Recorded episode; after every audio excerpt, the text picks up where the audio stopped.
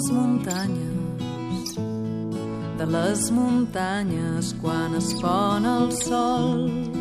La família del periodista Marc Serena prové d'un micropoble. Ell va créixer al Pla del Bages i li agrada veure món. Juntament amb el fotoperiodista Edu Bayer han recorregut 35 comarques catalanes a través de municipis de menys de 500 habitants i s'han preguntat com són aquests micropobles, com s'hi viu.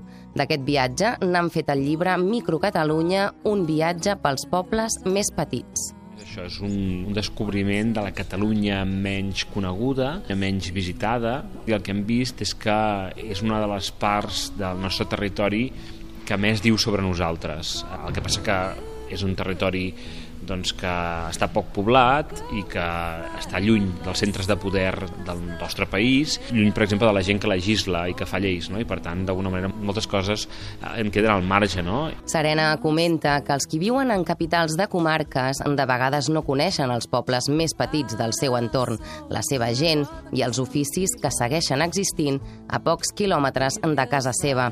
Per això, amb el projecte microcatalunya.cat reivindiquen el territori fent antropologia de casa nostra. Home, per exemple, eh, el Priorat, que és una comarca que està formada eminentment de micropobles, de municipis de menys de 500 habitants, eh, està fent campanya perquè el paisatge del Priorat sigui eh, patrimoni immaterial eh, per la UNESCO. No? I una de les coses que posen en el dossier i en el treball que fa més de 10 anys que estan fent aquesta gent allà és aquesta cura pel territori no? i aquesta cura del paisatge, entenent quan la gent i la natura es barregen. No? I, per exemple, al Priorat queden crec que almenys dues persones que el seu ofici és el de margener és les persones que eh, se n'ocupen dels marges, els marges aquests que fa que les vinyes i que el paisatge del Priorat sigui com és, no? amb, la, amb la licorella que hi ha allà, que fa també que aquests vins siguin prestigiats per tot el món.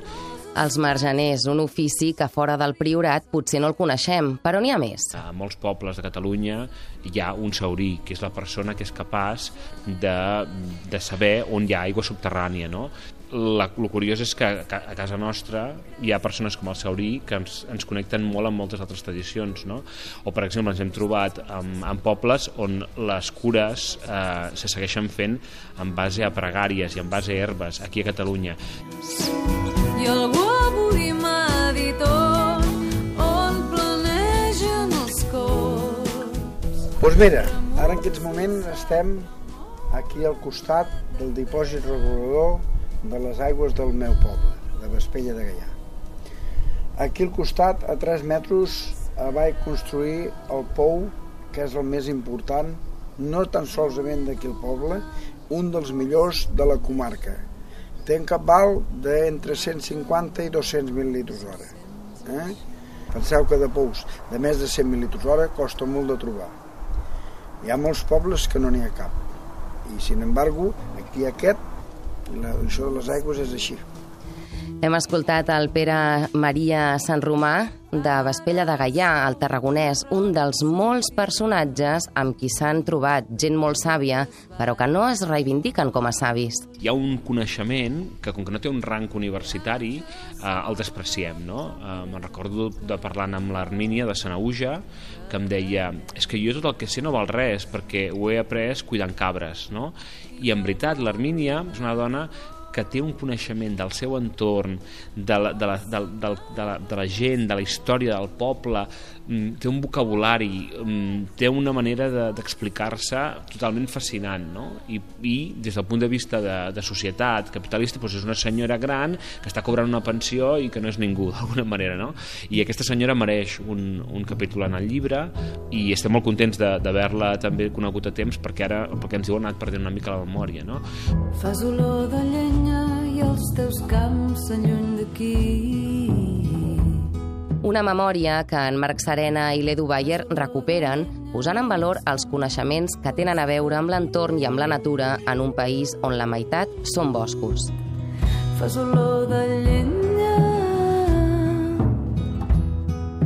Tenim 135 paisatges diferents a Catalunya que marquen la seva gent, que de vegades tenen un coneixement que no té un valor econòmic, però sí que tenen un gran valor humà. No me'n recordo del Joan Mallarac, que és un llenyataire de Vallfogona del Ripollès, que és l'home que llegeix boscos, perquè és un home que en el bosc, ell té un escàner, diguem-ne, increïble, quan entra en un bosc, perquè identifica tots els arbres, els anys que els ha passat de la seva vida. O sigui, per ell el bosc és una biblioteca i llavors tu estàs amb ell allà i et quedes la boca oberta perquè va parlant, va parlant de, de 10 metres, si tu vols, i es pot parlar mitja hora de 10 metres i, i allà on, on alça la vista t'ensenya coses que dius, ostres, que no havia ni aixecat el cap per mirar això, no? i et dona una mirada increïble. Els camps són lluny d'aquí Fas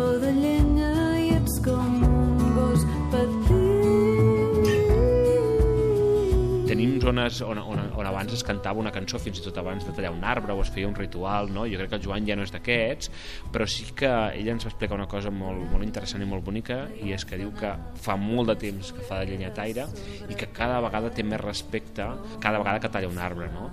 I, i a més a més ell explica que ell fa una feina de, de cuidar els boscos no? que tenim, tenim aquesta visió una mica la gent de ciutat de ah, llenyataire és el dolent perquè, perquè talla bosc, perquè talla fusta no, no, al contrari, els boscos s'han de mantenir hi ha d'haver gent que estigui allà cuidant-los, que es tingui en compte quins arbres hi ha, com mantenir-los i tal, i és, una figura molt, molt interessant el Joan de Vallfogona. Joan Mallarac, l'home que llegeix boscos i ens trasllada al coneixement d'aquestes biblioteques que tant desconeixem. Una feina gairebé antropològica dels nostres indígenes catalans dels micropobles, recollida en un llibre i en un projecte, microcatalunya.cat, que recull la memòria viva dels que resisteixen alegres vivint en els pobles més petits com el llenyataire Joan Mallarac, la sàvia de les plantes, l'Armínia, i el saurí Pere Maria Sant Romà.